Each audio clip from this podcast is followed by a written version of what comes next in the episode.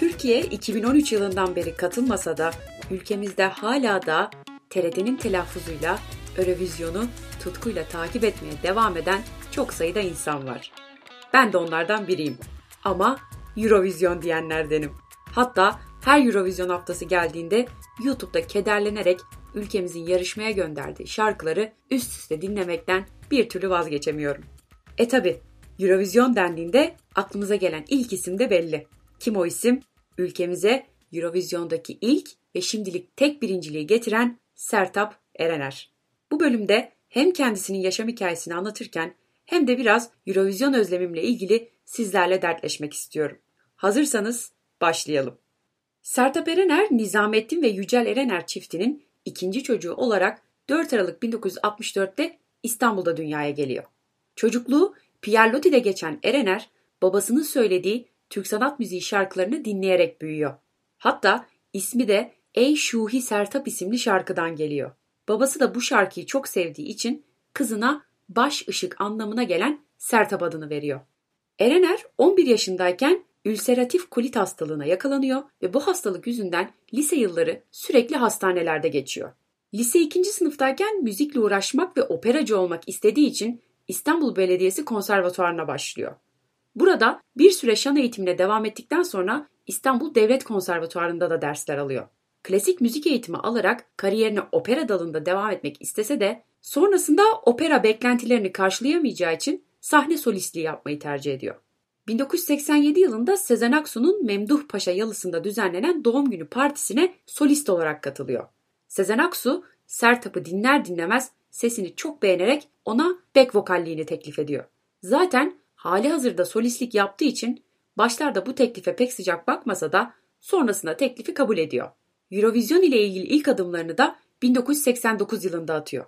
Clips grubuyla birlikte 1989 Eurovision şarkı yarışması Türkiye elemelerine Hasret adlı şarkıyla katılıyor.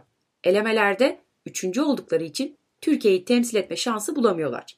1990 yılında bu sefer elemelere tek başına katılıyor ve Sen Benimlesin şarkısıyla 6. oluyor. Aynı yıl Levent Yüksel ile evleniyor. 90'lı yılların başında adını duyurmaya başlayan Erener, Sezen Aksu, Uzay Hepari, Aysel Gürel ve Garo Mafyan gibi önemli isimlerin desteğiyle ilk albümünü hazırlamaya başlıyor. Özellikle Sezen Aksu'nun kendisi için verdiği emeği Sertap Erener şu şekilde anlatıyor. Sezen'le bu ülkenin bu toprağın müziğini öğrendim. Ondan sonra burada yapılan müzikle ilgilenmeye başladım. Bu yüzden Sezen bana kaset yaparken çok zorlandı. Beni nereye oturtacağını çok düşündü. Çünkü Sertap iyi İngilizce söyler, Türkçe söyleyemez diyorlardı. Sakin Ol isimli ilk albümü 1992 yılında yayınlanıyor. Albüme adını veren Sakin Ol şarkısıyla birlikte Aldırma Deli Gönlüm, Ateşle Barut, Vurulduk, Oyun Bitti ve Suçluyum şarkıları oldukça ses getiriyor. 11 yaşından beri mücadele ettiği ülseratif kolit hastalığından kurtulmak için 1993-1994 yılları arasında 3 kez Amerika Birleşik Devletleri'ne ameliyat olmaya gidiyor. Bu süreçte oldukça zorlanan Erener zaman zaman hastalık yüzünden öleceğini düşünüyor. Ben niye buradayım? Neden ben gibi soruları sürekli sürekli kendine sormaya başladıkça bu sorgulama seanslarından kurtulmak için felsefe kitapları okumaya ve meditasyon yapmaya başlıyor. Ameliyat sürecinde de albüm hazırlıklarına devam ediyor.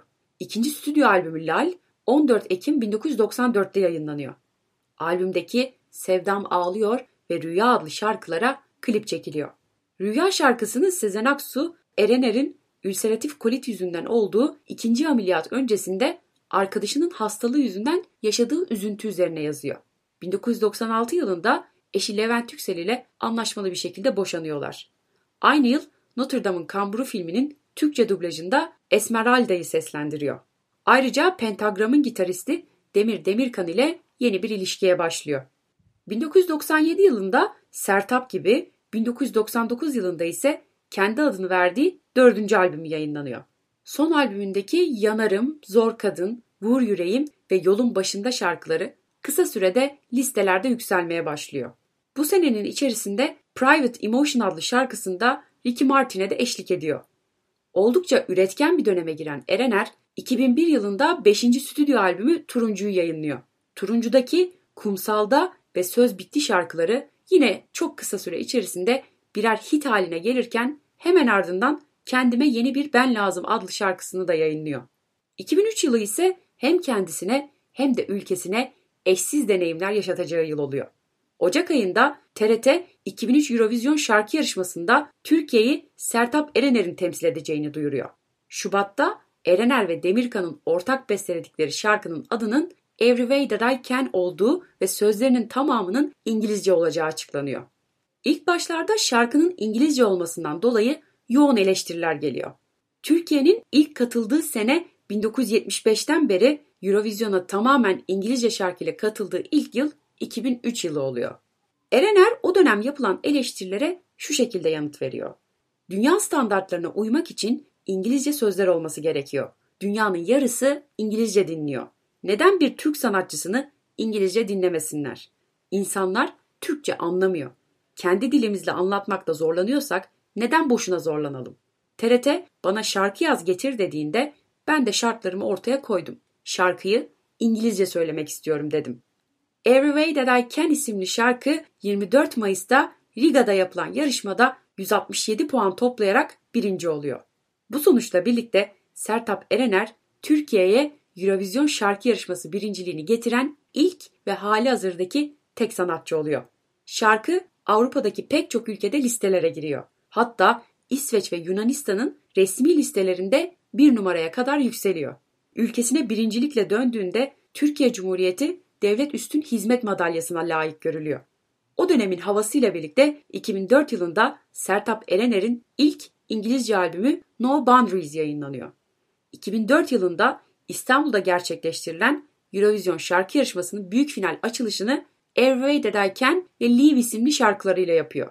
Açılış gösterisinde tartışma yaratmasına rağmen kadın semazenlerle sahneye çıkmayı tercih ediyor. Aynı yıl içerisinde Sony Müzik'ten ayrılarak Demir Demirkan ile birlikte Simya Müzik şirketini kuruyor.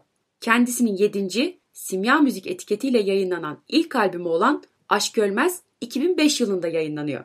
Ekim'de Eurovision şarkı yarışmasının 50. yılını kutlamak ve en iyi şarkısını bulmak için düzenlenen Eurovision şarkı yarışmasının 50 yılı adlı yarışmada sahne alarak Every Way That I Can şarkısını söylüyor. Bin şarkının arasından Eurovision'un ilk 50 yılının en iyi 9. şarkısı seçiliyor. Haziran 2010'da 8. stüdyo albümü Rengarenk yayınlanıyor. Albümdeki Açık Adres ve Rengarenk listelerde birinci sıraya kadar yükseliyor. Nisan 2012'de ise üzerinde bir yıl çalışarak babası Nizamettin Erener için hazırladığı Türk Sanat Müziği albümü Eşuhi Sertap'ı yayınlıyor. Bu albümünde 15 eski Türk Sanat Müziği şarkısını aslına uygun olarak yeniden seslendiriyor. Hemen ardından 2013 yılında Sade isimli albümü yayınlanıyor. Temmuz 2015'te Emre Kula ile evlenen Erener bir yıl sonra Kırık Kalpler albümünü 2020 yılında ise Ben Yaşarım isimli albümünü yayınlıyor. Şimdi tekrar dönelim Eurovision'a. Türkiye Eurovision'u bıraktı ama inanın o bizi bırakmadı. 2020 yılında koronavirüs sebebiyle yarışma gerçekleştirilemediği için bir sosyal medya organizasyonu yapmaya karar verdiler. Eski yarışmaların tekrar oylandığı etkinlikte Every Way That I Can 17 yıl sonra tekrar birinci seçildi. Sertap Erener de yeniden birinci çıkmak gurur verici. Hepinizi çok seviyorum, teşekkür ederim diyerek tüm sevenlerini selamlamış oldu. Birinciliğin geldiği geceyi dün gibi hatırlıyorum. O zaman 8 yaşındayım. Hiç Eurovision diye bir şey olduğundan haberim yok. Televizyonda rastgele zap yaparken TRT'de Sertap Erener'i görmüştüm. Hatta yanımda babaannem vardı. Ona da ''Aa babaanne baksana Sertap Erener konseri varmış.'' demiştim. Ertesi sabah öğrendim Eurovision diye bir yarışma olduğunu ve birinci seçildiğimizi. O günden beri de tutkuyla takip etmeye devam ediyorum. Gerçekten de ülkecek ne güzel günler yaşadık. Athena ile coştuk. Manga'nın ikinci olmasını asla içimize sindiremedik. Alınmasınlar ama Gülseren ve Sibel Tüzün'le de az dalga geçmedik. Bunlar bize asla oy vermez deyip şaşırdığımız çok anlar oldu. Azerbaycan'dan gelen 12 points goes to Turkey anonslarına ise hiç şaşırmadık. Eurovision gecelerinin en popüler etkinliklerinden biri de diğer ülkelerin sanatçılarını Türkiye'deki çeşitli isimlere benzeterek eşleştirmek oldu. Hepsi ortak hafızamızın bir yerlerinde. Türlü bahanelerle yarışmadan uzak kaldığımız koca bir 8 seneyi geride bıraktık. Daha doğrusu uzak kaldığımızı sandığımız diyelim. Öyle ya da böyle Ya onlar bizi anmaya devam ettiler ya da biz bir şekilde dahil olduk. Azerbaycan'dan katılan sanatçılar Türk bayraklarını sallamaya devam etti. Ukrayna 2016 yılında nakaratı Kırım Türkçesi olan şarkıyla birinci oldu. Yarışmalarda geriye dönük nostaljik performanslar sergilenirken bir şekilde Türkiye'ye hep selam gönderildi.